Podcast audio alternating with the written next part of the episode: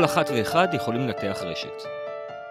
מה מתרחש? אני אסף שפירא וזה נטפריקס, הפודקאסט העברי הראשון למדע הרשתות. בפוסט שפורסם לא מזמן בפורום אנליסטים בפייסבוק, מישהו הציג את הבעיה הבאה. הוא רצה לדעת איזה מוצר של החברה שלו קונים בדרך כלל עם איזה מוצר. ברור קצר העלה שהוא לא יודע לתכנת, אבל הרבה יותר חמור מזה, הוא לא מכיר את פרק 19 בנטפריקס על ניתוח רשתות בתעשייה, פרק שדנו בו בדיוק בבעיה הזאת. אז בעיה אחת לפחות הצלחנו לפתור. אבל מה לגבי תכנות? רק מתכנתים יכולים לנתח רשת? בהקשר הזה אני נזכר בסרט רטטוי של פיקסאר. בסרט, רמי החולדה הופך להיות שף במסעדה תחת המסר כל אחד יכול להיות שף. מה שלא מדגישים שם זה שרמי כמעט נהרג כמה וכמה פעמים, אה, נאלץ לגנוב מזון, ובמקביל להתמודד עם עוינות מצד המשפחה והחברים. אז בניגוד ללהיות שף, מניתוח רשתי כמעט אף אחד לא מת, ולמי שרוצה או רוצה להתנסות בזה, הפרק הזה מיועד לעשות את החיים הרבה יותר קלים. אז מה, מה הסוד? בפרק הזה נציג את התוכנות שמנגישות את היכולת הזאת לכולנו, וזה אומר שלא צריך לתכנת, וגם לא צריך מאגר נתונים מיוחד. אקסל או שווה ערך יעשה את העבודה. וחשוב לא פחות, כל התוכנות או המערכות שיוצגו כאן הן חינמיות. בעזרתן, נוכל לקחת את הנתונים שלנו מהאקסל, לנתח אותם רשתית ולהציג את התוצאות באופן ויזואלי. לכאורה, עבודה עם פייתון פותרת אותנו מהצורך בתוכנה חיצונית. יש בפייתון ספריות עם כמעט כל אלגוריתם אפשרי, למשל ספריית Network X, ועכשיו רק נשאר לבחור בחוכמה. אבל למרות זאת, אני מניח שיהיו כאלה שיעדיפו לעבוד עם תוכנה ארוזה יותר, להתאמץ קצת פחות, וגם להישען על best practices. מכיוון שהפרק הזה עוסק בפרקטיקה, אז על הדרך נדבר קצת על best practices לחוקרי וחוקרות הרשת, ונכיר מושגים מתקדמים מתחום הרשתות, למשל מטריצות ברשתות, ומה זה higher order networks או hypergraphים. וזה הסיבה שאני נותן פה כבר עכשיו התראונת. לצורך הפרק הזה, אני מניח שהמושגים הבסיסיים של ניתוח רשתי, כמו מדדי מרכזיות, חלוקה לקהילות וכדומה, כבר מוכרים למאזינות ולמאזינים. למי שזו הפעם הראשונה בתחום, או סתם לטובת חימום קל, אני ממליץ על פרקים 4 ו-5 בנושא מדדי מרכזיות וקהילות ברשת. בהתאמה.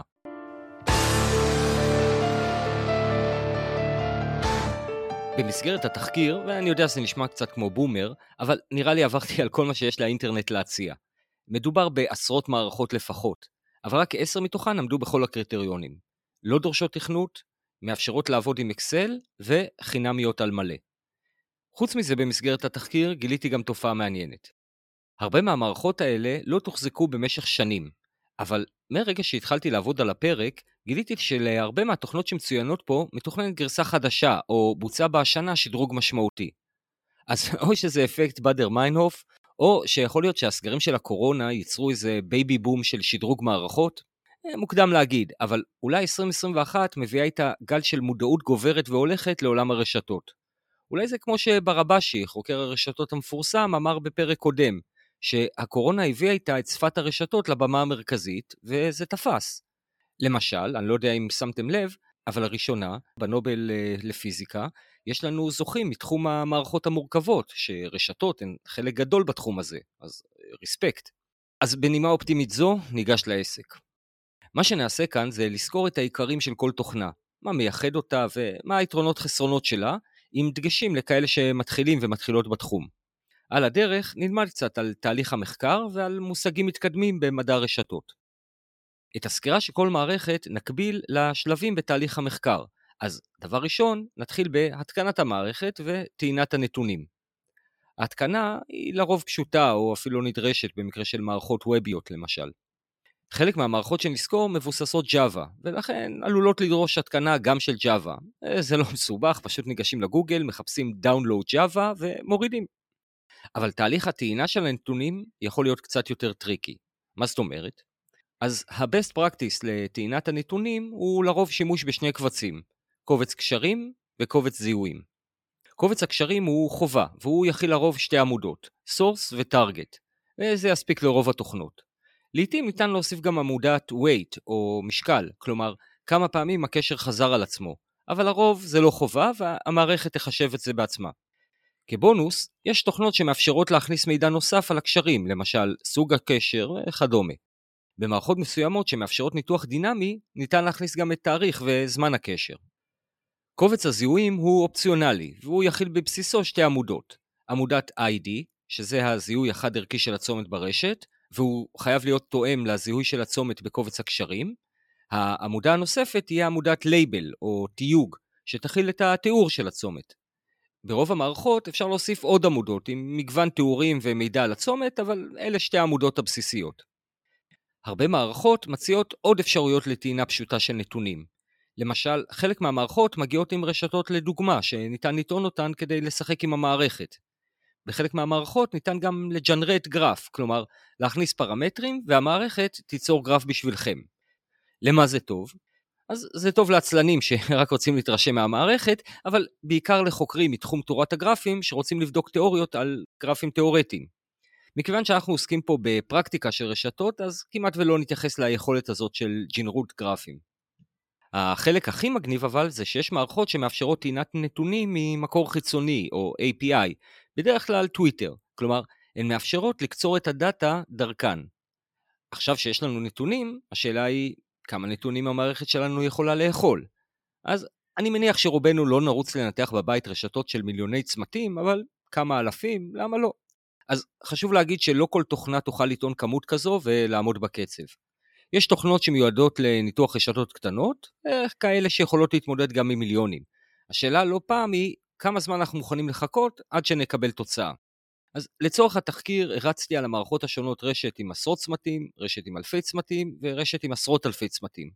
אם עברו יותר משתי דקות עד שהמערכת הגיבה, אז יש לנו בעיה. היו מערכות שקרסו ישר, היו כאלה שאפילו לא שיהקו.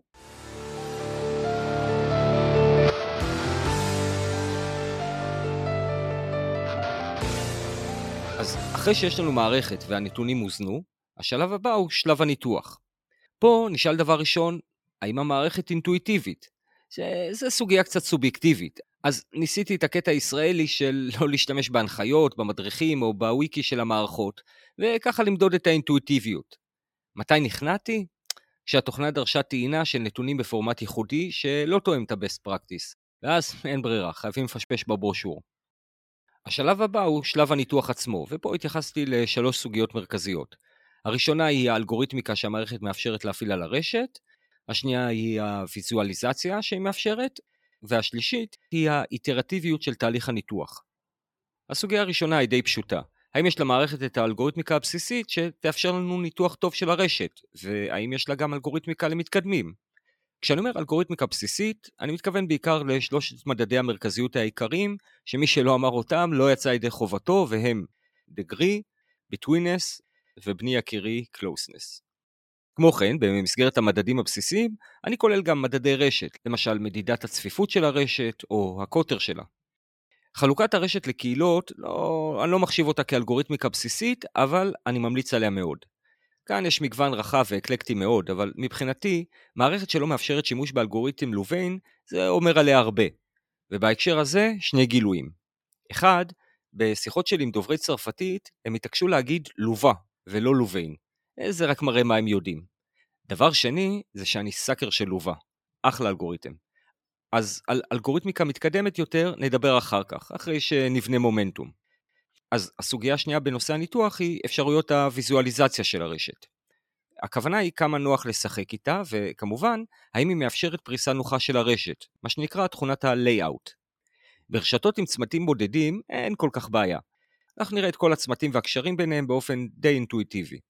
אבל ככל שהרשת גדלה, הצורה שבה היא פרוסה על המסך מתחילה להיות משמעותית, כי הצמתים והקשתות מתחילים לרמוס אחד את השני, כשה-C הוא מה שמכונה בספרות המקצועית The Giant Hairball Effect, או רשת שנראית כמו כדור צמר ענקי שאי אפשר להבין ממנו כלום. מאחורי התצורות השונות לפריסה של הרשת עומדים אלגוריתמים בפני עצמם, שמטרתם למקסם תכונות מסוימות של הרשת לפי הצורך של המשתמש. למשל, אלגוריתם פריסה יכול למקסם על הקרבה של צמתים זה לזה, כלומר, להצמיד צמתים שקשורים זה לזה, ולהרחיק מהם צמתים אחרים. אלגוריתמים אחרים יכולים למקסם על סגנון הפריסה המבוקש. למשל, להציג את כל הצמתים במעגל או בתצורה היררכית, כמו של עץ מבנה, או אפילו לאפשר הצגה של הצמתים ברשת לפי מיקומם הגיאוגרפי בעולם, כלומר להצמידם למפה ויש עוד הרבה. למרות שאני ממש יכול להבין כאלה שנשבו בוויזואליזציה מסוימת בגלל האסתטיקה שלה, אז יש ספרות של best practice להצגת רשתות, כי ויזואליזציות מסוגלות גם ליצור רושם מוטעה. דיברנו על הסוגיה הזאת קצת בפרק 13 בנושא פוליטיקה ורשתות, בעקבות התמונה האיקונית במחקר של לאדה אדמיק במאמר שלה Divided They Blog. אז הסוגיה השלישית בנושא הניתוח היא סוגיית האיטרטיביות. למה הכוונה? לא פעם במחקר רשת נקבל איזושהי תוצאה, ואז נרצה לראות אותה בתצוגת רשת, לשנות מדדים, שוב לראות את תצוגת הרשת ו... וכו'. לפעמים גם לייצא את הנתונים שלנו כדי להמשיך לחקור בשיטות נוספות. אז זהו תהליך איטרטיבי של פעולה ותוצאה, ואז שוב פעולה ותוצאה.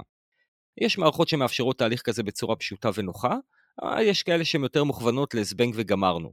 ואז כדי לשחק עם הרשת, אנחנו נדרשים לטעון אותה מחדש.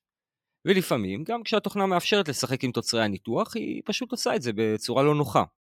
למחקר נקודתי, או כשנרצה לעשות רק ויזואליזציה של הרשת, זה לא כל כך הפריע לנו, אבל זה ללא ספק צורך משמעותי, בטח כשנתקלים ברשת בפעם הראשונה.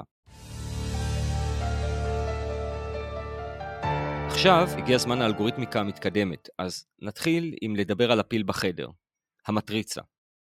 פסיכופת פעם אמר שיש יותר מדרך אחת לפשוט עורו של חתול, וזה נכון גם על רשתות. יש יותר מדרך אחת לשמור מידע כרשת.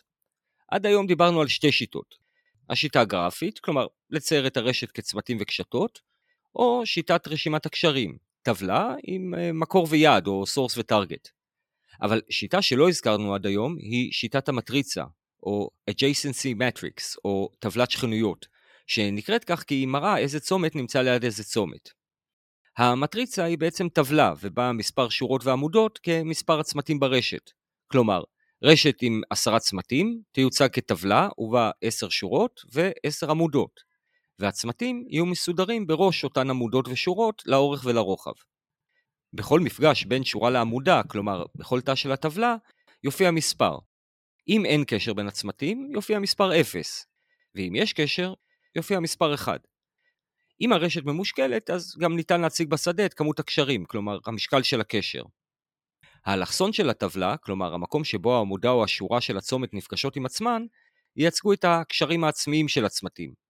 לרוב המספר הזה יהיה 0, אבל יש רשתות שיש בהן קשרים עצמיים. למשל, ברשת מיילים, אני יכול לשלוח מייל לעצמי. בפרקטיקה הרבה פעמים אנחנו מתעלמים מהנתון הזה. כל זה נשמע קצת מורכב, והדבר הראשון שקופץ לראש זה למה לעשות את זה. גם נשמע מאוד בזבזני מבחינת הגירה. תחשבו למשל על רשת של אלף צמתים. זה אומר שאנחנו צריכים להחזיק טבלה של אלף על אלף, כשרוב הסיכויים שמרבית הטבלה תהיה מורכבת מאפסים, כי כמו שאנחנו זוכרים, קשרים ברשת מתפלגים זנב ארוך, כלומר, יהיו לנו מעט צמתים עם הרבה קשרים, אבל לרוב הצמתים יהיו רק קשרים בודדים. אז יופי לנו, ייצרנו טבלה גדולה שרובה ריקה. אבל שימו לב שהטבלה אומנם בזבזנית במקום, אבל חסכונית בזמן. למשל, בעזרת המטריצה, אנחנו יכולים במבט מהיר על שורה או עמודה לראות איזה צמתים קשורים לאיזה צמתים. במטרה למקסם על שני העולמות, גם לחסוך במקום אבל גם ליהנות מקריאה מהירה של הנתונים, קיימת שיטה שהיא מעין החלאה של רשימת הקשרים ומטריצת השכנויות, והיא נקראת adjacency list או רשימת שכנויות. הרשימה מכילה בעמודה אחת את כל הצמתים, ובעמודה השנייה את כל השכנים של הצמתים. כלומר, אם יש לנו רשת ובה שלושה צמתים, וצומת X קשור לצומת Y וצומת Z, אז בעמודה הראשונה, בשורה הראשונה, יופיע צומת X, ובעמודה השנייה, כל הצמתים שהוא קשור אליהם. במקרה זה, Y ו-Z עם פסיק ביניהם. בשורה השנייה יופיע צומת Y, ובעמודה לצידו, צומת X בלבד, כי Z לא קשור ל-Y, וכן הלאה. בשיטה זו אנחנו לא מבזבזים מקום על קשרים שלא קיימים ברשת, ובמקביל נהנים ממבט מהיר על מי השכנים של מי. אבל שוב, למה זה טוב? אז למי שעוסק במדעי המחשב, אופטימיזציה של אחסון מידע לצד יעילות השליפה של המידע היא דבר חשוב. אם נרצה לקבל תשובה מהירה מי השכנים של כל צומת, רשימת שכנויות היא הדרך המהירה ביותר וגם החסכונית ביותר במקום. אבל לכל שיטה יש יתרונות וחסרונות משלה, ורובנו לא מדמחניקים, והשיקולים האלה פחות קריטיים לנו. רשימת קשרים פשוטה של source ו target מספיקה לנו, במיוחד שמי שסוחב את החישוב זו תוכנה חיצונית, שתעבוד קצת, למי אכפת.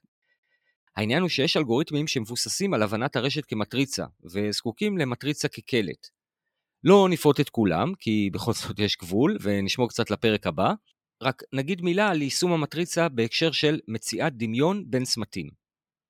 כשאנחנו רוצים להשוות בין שני צמתים, מבחינת התפקיד שלהם והמיקום שלהם ברשת, אנחנו נדרשים לשכנים של אותם צמתים.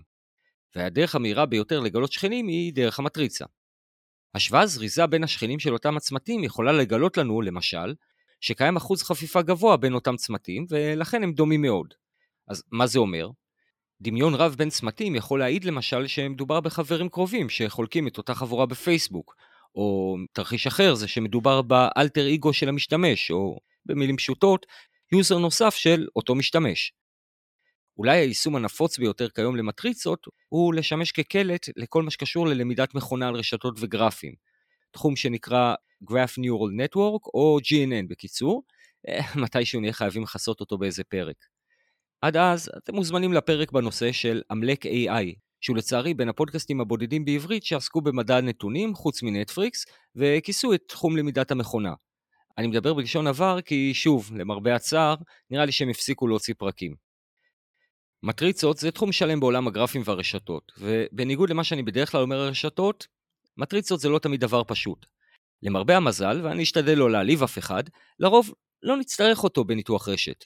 חוץ מזה, האלגוריתמים שעושים שימוש במטריצות הם לא פעם כבדים ומסורבלים, והתוצאות שנקבל באמצעותם לא בהכרח יהיו טובות בהרבה מאלגוריתמים פשוטים ועדכניים יותר. אז עכשיו, אחרי שכל הפנאטים של תורת הגרפים ומדעי המחשב לחצו על פוז ועשו unsubscribe לפודקאסט, אני יכול גם לספר שחלק מהמערכות שנפגוש מבצעות את ההמרה מטבלה למטריצה בעצמן, בתהליך ששקוף למשתמש, וכך מאפשרות לעשות שימוש נוח גם בפיצ'רים המתקדמים שכן מחבבים מטריצות. ועכשיו בואו נעבור למערכות. כשאני אומר מערכות, אני בעצם מתכוון לגפי. וגילוי נאות, אני סאקר של גפי.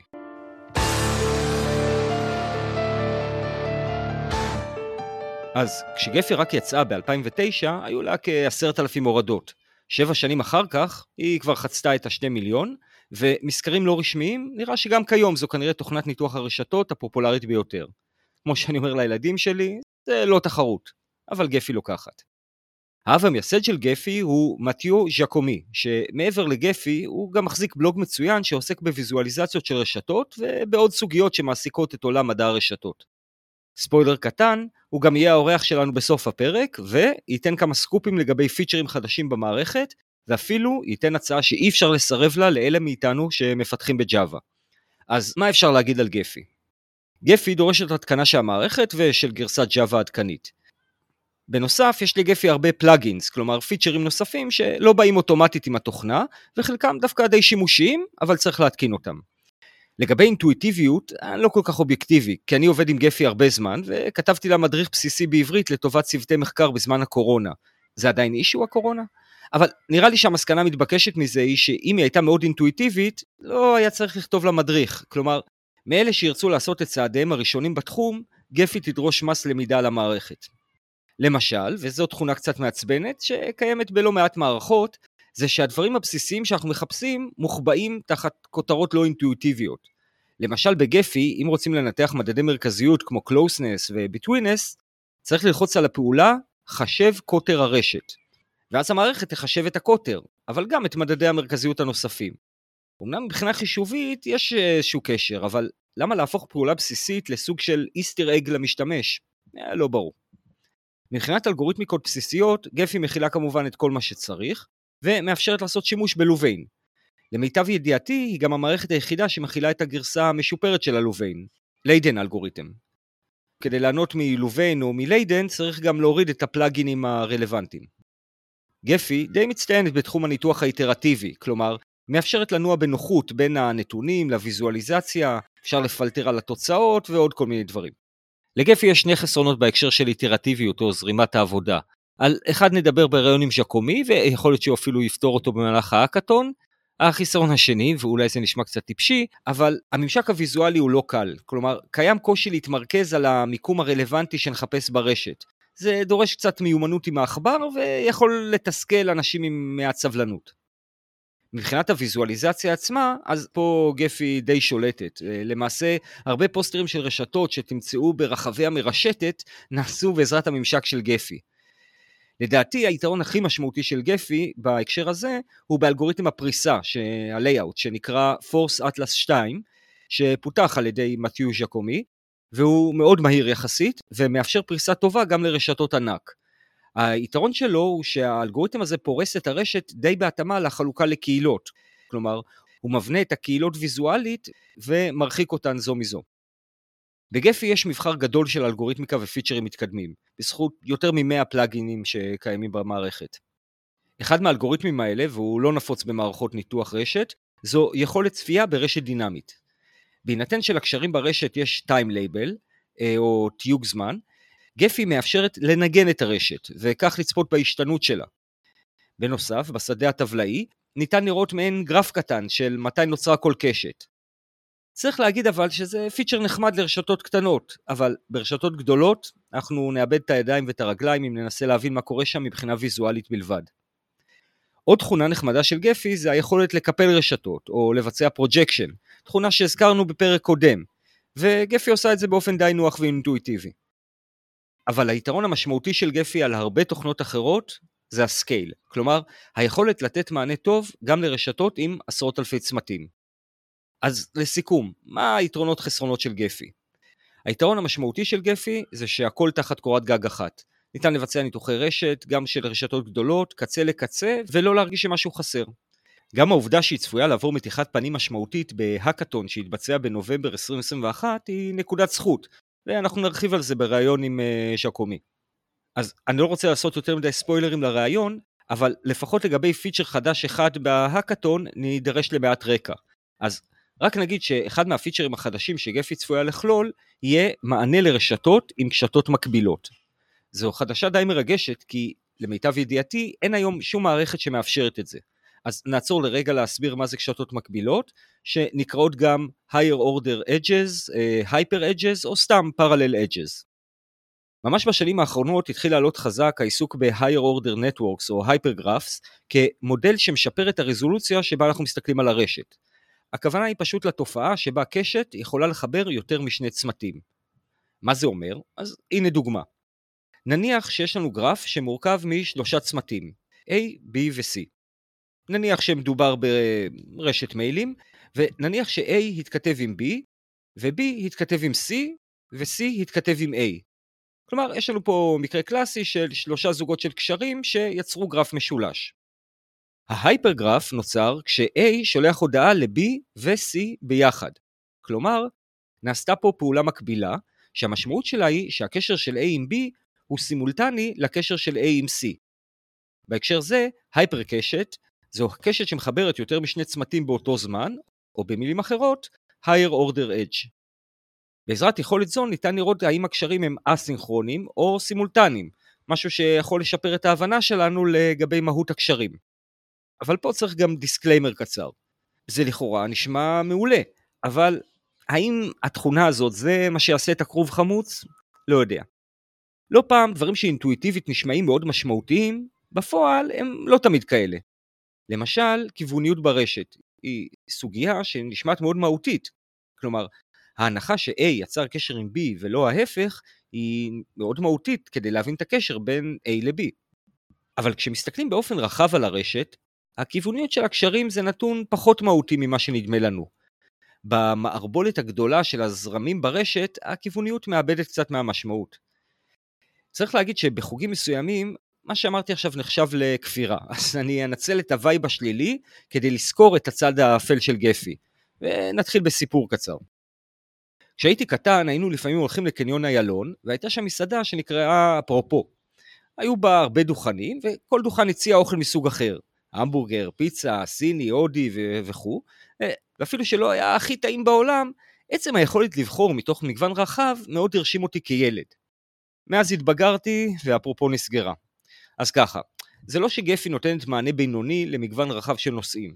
זה פשוט שכשאתה מתפזר על הרבה דברים, יש לזה מחיר.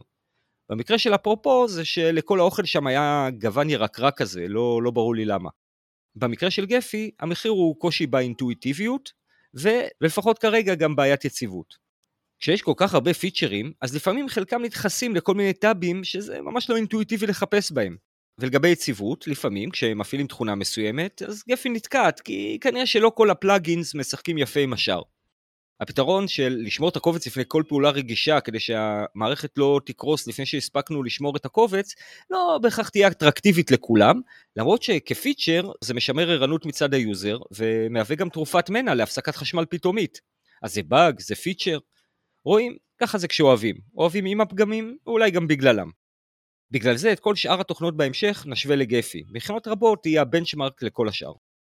ועכשיו, לאורח הכבוד. Okay, so as you might have noticed, I'm a sucker for Gephi, so that's why it's a real pleasure to present uh, today's guest. I make it a habit to retweet or post the great articles he writes about network analysis, so no wonder I found myself flirting with him on Twitter to get him on this show. And since we are discussing uh, network analysis software, what better guest than the founder of Gephi? So, Matthew Giacomi, what's the rumpus? Hi there. I'm super happy to to be here with you guys. So, uh, yeah, I, I, didn't know that expression was the rumpus, so I don't know what it is. but um, yeah, I'm happy to be here. cool. And congrats are in order. You got your PhD this year, right? Yes, absolutely. And so I'm, I'm very happy. Um, people who hear us and want to see uh, the PhD defense, you can see it uh, on YouTube if you want. It's uh, about networks, but it's from technoanthropology. So, you know, science, science about the science of networks. Oh, we, we love the meta stuff. We love the meta stuff. Good. Cool. So, uh, we're here to talk about Gephi. How many people use it? Okay, so we don't have um, an instant view of the number of people who use Gephi. So it's been downloaded something like 2 million times since the beginning. It's 10 years old. So, yeah. And wow. we can also count the number of papers uh, who cite Gephi, and it's cited more than once a day. How do you explain the Gephi's popularity?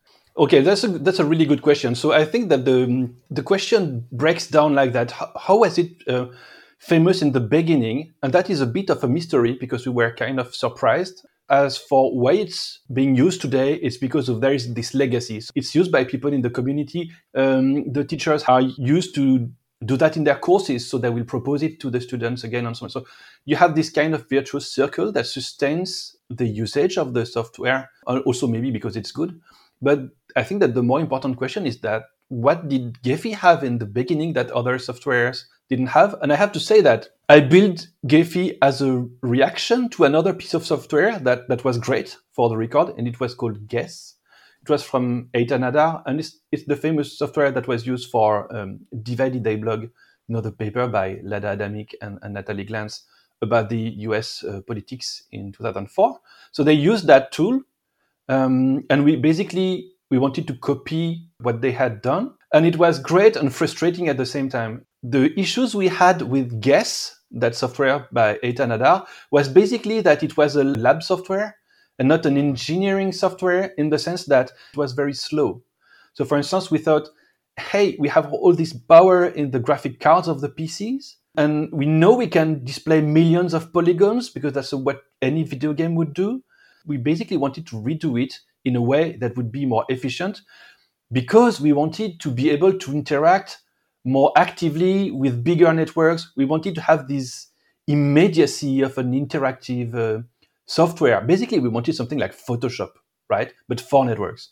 And that's, I think that's, that's what makes kind of the flavor of Gephi.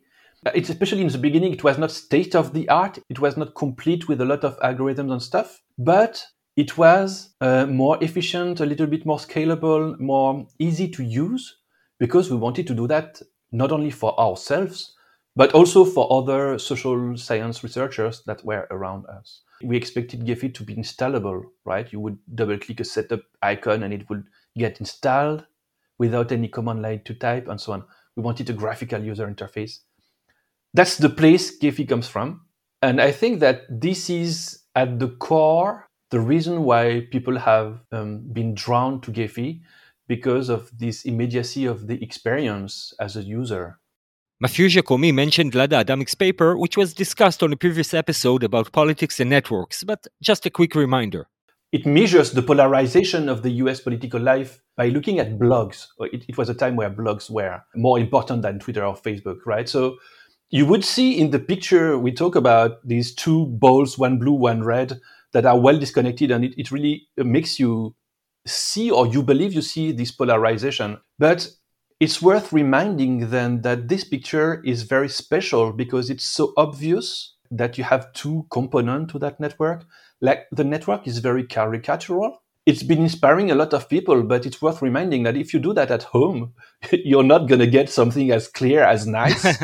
Most of the time, you have something that looks like a hairball to some extent, and then you have to do a lot of work to find something to say about it. So, yeah. Okay, so back to uh, network analysis software. That's uh, what, yes. what we're here for. Okay. Do you care to comment on other, let's say, competing software? Though I guess there's no competition, but still, like uh, I don't know, uh, Cytoscape. I don't have much time to use other pieces of software, which I, which I regret. Um, I know a little bit of Cytoscape. What it seems to me is that it's a tool that does many things which is absolutely great. It has drawbacks and advantages, but there is nothing wrong with doing a lot of different things. It can have a lot of different plugins, and it seems to be very well focused for the community of, I don't know, bioinformatics, genetics. And I think that with time, each different piece of software found their own space, which means that Gephi is not much used for biology, genetics, and it's more used for as an entry point to analyzing networks in the social sciences and humanities. Even though if you want actually to do some social network analysis, you may use other tools like UCINet, uh, Payek is still still used sometimes. Of course, I know Payek, which is the, uh, our granddaddy, uh, the granddaddy of all the these uh, network softwares. Um, there are other more niche, smaller tools that have their specialty that emerged, and I, and I really like that. I think that one of the discussions we could have is what different tools uh, give you if you have specific use cases. So, for instance, um, GraphViz, which is basically a command line tool, will be very good if you have sophisticated things you do and that you can describe if you know the software. While, for instance, Gephi will be easier to use if you don't really know what you want or where you go, because it's more direct to your face and you can tinker with it and play. The reason why you would use one tool over another is because it solves a specific problem to you. And I think that Gephi solves a lot of the specific problems of the beginners, but other tools solve the problems of non beginners in, in various ways. Yeah, that's uh, one thing I like about Gephi is it feels like it's a one-stop shop and uh, can handle large networks. I wonder what your understanding of the features uh, usage in uh, Gephi. Do you feel there are unused features that people uh, maybe don't know of or don't uh, take advantage of? That, that's a hard question because I think that one of the characteristics of Gephi is that it's a pretty curated piece of software. So there are not as many plugins as there could be as as uh, Cytoscape, for instance, and we have actually removed a number of features. That that's part of the identity of Gephi. Now, of course, there are some features that people don't use. Maybe it's used. I just assume it's not. It's the ability you have to settle a node. So in the overview, where you have basically all your nodes and links as visual object that, that can move and so on, you can right click a node and click on settle. And if you do that, the node is from now on unaffected by the layout. So it's basically locked to the, the metaphorical surface of the screen.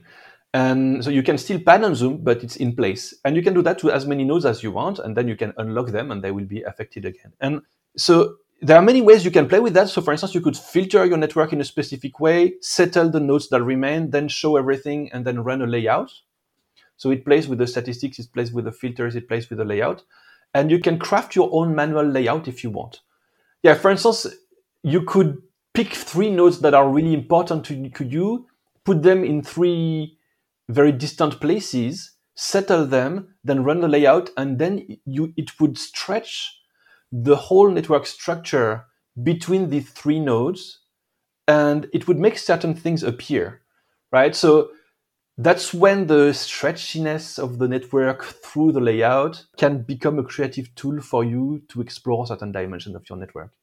So uh, I, encourage our yeah listeners to, to try the settle feature. Yeah, yeah, I actually used it this week. So Oh, okay, so cool. that maybe it's used.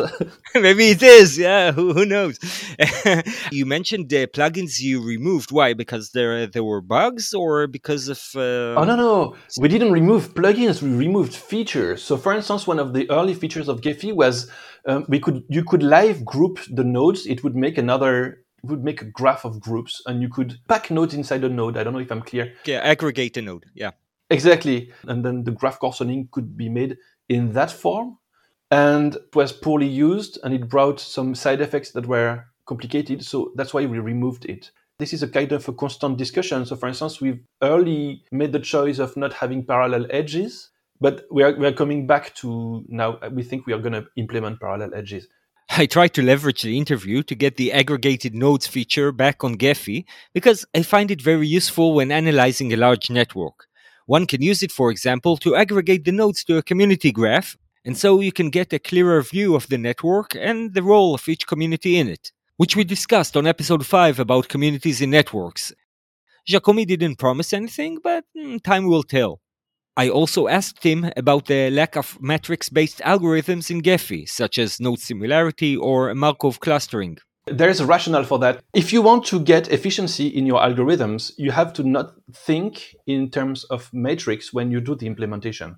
It's much more efficient to have to manage a list of nodes and a list of edges. This is also an engineering problem because all Gephi is thought on this paradigm lists. So we do not even have an object matrix in the source code that we could deal with. While I think other softwares, they do have that, and they would use sophisticated code libraries that do the optimization of sparse matrices computations for them. One of the reasons we do not go that route is that we want to also limit the dependencies of, of Gephi. It's much more integrations of other components, and then you, you add dependencies. And also because, let's say it this way, we are not great at math. Like we do math like non-mathematicians, and I'm I'm one of the guys who has actually done the math of certain things and implemented or published algorithms like Force Atlas 2. But although I do like math and I had some amount of training about it, I'm not into the community enough that I have a good vision of what the good code libraries are and so on. At the end of the day, the goal is to maintain scalability. So as soon as you deal with matrices, you are at risk of having less scalability. I see. And for everyone who doesn't know, the uh, Force Atlas 2 is the best layout algorithm. Uh, so I'm glad you like it. Use it all the time. Good. Okay. And um, we talked a bit about it, but what Gephi is missing, you mentioned the uh, parallel edges or uh, hyper edges. That's an easy question because you, we have requests for uh, new stuff all the time, basically. So the, the biggest complaint is that it has no undo button. I really like the activity log, you know, the series of the last tasks you have done that provides you an ability to go back into the mm-hmm. list. You have that in OpenRefine, for instance. You have that in Adobe products like Photoshop and so on. I think this would be great for Gephi, and it's also a way to think of the undo button. We missed curved edges in the in the overview. We have that when we export a network, like as an image, like a PDF, but we do not have that in the live interactive part of Gephi that we call the overview. We would like to have a real application that doesn't rely on Java, for instance, so that people do not have to separately install Java. And then, of course, reaching the state of the art modularity clustering, layouts, statistics, and so on. This is a, an endless endeavor. To some extent, the tool maker, so in that case, it might be me or our lead dev, Eduardo, or Mathieu Bastien, our original lead dev. Like we would be our own uh, guinea pig our own test user, like we would develop Gephi for ourselves and make the hmm. calls of what's right in the UI and so on. It's good to keep the integrity of the software, but at some point, you if you can afford it, and I mean if you have time to code and improve it, you have to reach for what other people do. We are often surprised by the creativity of Gephi users. They would use Gephi in ways that we didn't expect. There are so many interesting people who are using Gephi as a way to introduce their students, for instance, to network science they have their own specific cases in mind and they have ideas of needs that I don't know. Mm. I think that's a good time to plug in the Gephi retreat. oh yes, that's so.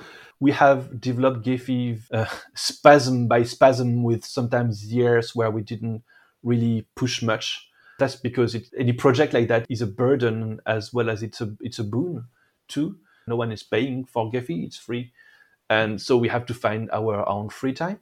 We would like to get some fundings, but we are getting there. So our big plan is to first of all make the code base more easily maintainable and appropriable by new developers because we want to find new developers for Gephi.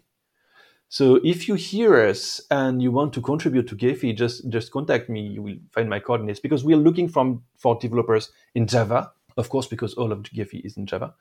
We want to grow a, a team around the Gephi's core, and we have a sustainability retreat which is hosted in Copenhagen at the end of November, where we will have some old people of the project and some new people. So we will have our two, uh, our current lead developer Eduardo and our uh, ancient lead developer Mathieu Bastien.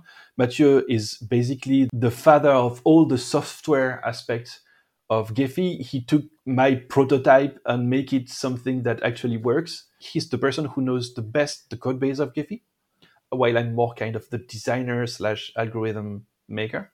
And then we have a, new new participants, including, for instance, uh, Tiago Peixoto, who is a world class expert on community detection, and he also has uh, developed his own library of code called Graph Tools, that is kind of more of a command line tool than a graphic user interface tool. And we hope to be able to do that every year. And starting from next year, we will try to raise some funds to organize this coding retreat. I had to interrupt to say that I don't know if this episode would publish on time for the retreat, but Jacomi reassured me. We do seek developers for after the coding retreat. So if you hear that years in the future, so in 2020, 23, 24, keep, keep reaching for us. I've noticed that in the last uh, few months, many software have now uh, new uh, versions. Like uh, mm. Cytoscape just uh, released one, uh, Visone, which hasn't released one in I think uh, three years. You're getting your retreat. Maybe it's COVID nineteen that kicked in. people are staying at home and they have nothing to do. There's something in the air for a network analysis mm. software. It seems. But I think that um, one thing we could tie that to is the movement of open science and, and open source software. And here in Europe, with other researchers, we organize um, a track at the FOSDEM, which is the free and open source software um, meeting. Sorry. So the FOSDEM is this big conference with many tracks that are called dev rooms, where everyone comes to talk about um, open source. That's where we met, for instance, Antonin Delpech, who is uh, maintaining OpenRefine, and he will be here to help us also at the at the Gephi um, sustainability retreat. Academia is traditionally hostile to the work of programming. I was really surprised that some of them told us that in some fields, if you develop a tool, you have to hide it because it could be detrimental to your career as if creating a tool is is shameful you know? But that's that's really how we how it is. And but the situation is changing because you have for instance the journal of open source software. You have a number of places where you can valorize your production of uh, open source software within the academia. You can get a DOI to make your version the version of your software citable. For instance, just with Jupyter notebooks, right, is the fact that it's still credited to the original authors. People are still citing the original paper, but it's been 10 years now and the contributors are completely different now. So there is a need to be able to cite different versions of the, of the software so that you can get credit if you spend your time as a researcher to contribute to a tool, you can get citations because you know in the academia the magic uh, coins that fuel your funding and your career are these damn citations. And obtaining these citations is sometimes complicated. So it gives more incentives, maybe now, to develop these tools that contribute to, to open science. And maybe that helps uh, this project. I hope so. Cool. So thank you very much. Well, thank you for having me. אז תודה למתיו ז'קומי. מכיוון שבסופו של דבר מדובר פה בפודקאסט, שזה פורמט לא טריוויאלי לדבר בו על מערכות מידע, אני ממליץ בחום להיכנס לבלוג ההרחבות שהקישור שלו נמצא בתיאור הפרק. על שאר המערכות נדבר בפרק הבא. בינתיים, כמובטח, הנה כמה ביקורות מרחבי המרשתת. לימור כתבה, הפודקאסט הטוב ביותר בעברית, שאפו. תודה לימור. Uh, ברור קצר איתה העלה שהיא התכוונה שזה הפודקאסט הטוב ביותר לרשתות בעברית. זה חידוד חשוב. משה כתב, נושא מרתק שנוגע בכל כך הרבה אספקטים וצדדים של היומיום. עסקים, ספורט, מגפות ומה לא בעצם. מוגש בצורה בהירה, זורמת, נעימה ועם קורטוב של הומור, שמאפשר גם למי שאינו טכנולוג להבין ולמצוא עניין בנושא. אז תודה למשה, מאזין יקר וחבר מוערך בקבוצת הפייסבוק של הפודקאסט, הבית החם של מדע הרשתות. ואחרונה חביבה, אפרת מחברת לייטריקס, שהעלתה את הפוסט הבא ולא התעצלה לתייג. נטפריקס הוא למעשה אחדות מופלאה של תוכן וצורה. פודקאסט מבריק ונהדר על מדע הרשתות, שמפעיל על עצמו את חוק החזקה, או כמו שאסף נוהג לכנות אותו, פאולו. הכיצד? הפודקאסט נמצא אי שם במורד הזנב של הדינוזאור, בינתיים, וכך כשמחפשים אותו בגוגל או בלינקדאין, תמיד נקבל קודם את נטפליקס, הנמצא אי שם במעלה הגב. וכך אנו למדים כיצד מתנהגות רשתות רק מלגגל את הפודקאסט. סחטיין אסף שפירא ולכולם, לכו להאזין ויחד נעלה את נטפליקס במעלה הדינוזאור. אז אה, אפרת, רק להקריא את זה הפך אותי מוורוד לוורוד כהה. תודה רבה. התיאור של אפרת מזכיר לי את השיר על הקאובוי בשם סו. שאביו עזב אותו כשהיה תינוק, אבל לפני שעזב הוא קרא לו לילד סו. הילד, שגדל בסביבה פחות סובלנית מהיום, אה, חטף הרבה מכות בגלל השם, ונאלץ ללמוד להילחם כדי להגן על עצמו, וככה הפך להיות הקאובוי הכי קשוח באזור. יום אחד הוא נתקל במקרה באביו, שעבד באיזה מסבעה, ואז סו התנפל עליו בכעס, אבל אז האב גילה לו שבעצם הוא רצה בטובתו. בגלל שהוא ידע שהוא לא יהיה שם לדאוג לו, הוא היה צריך לבחור לו שם שיכריח את סו לדאוג לעצמו.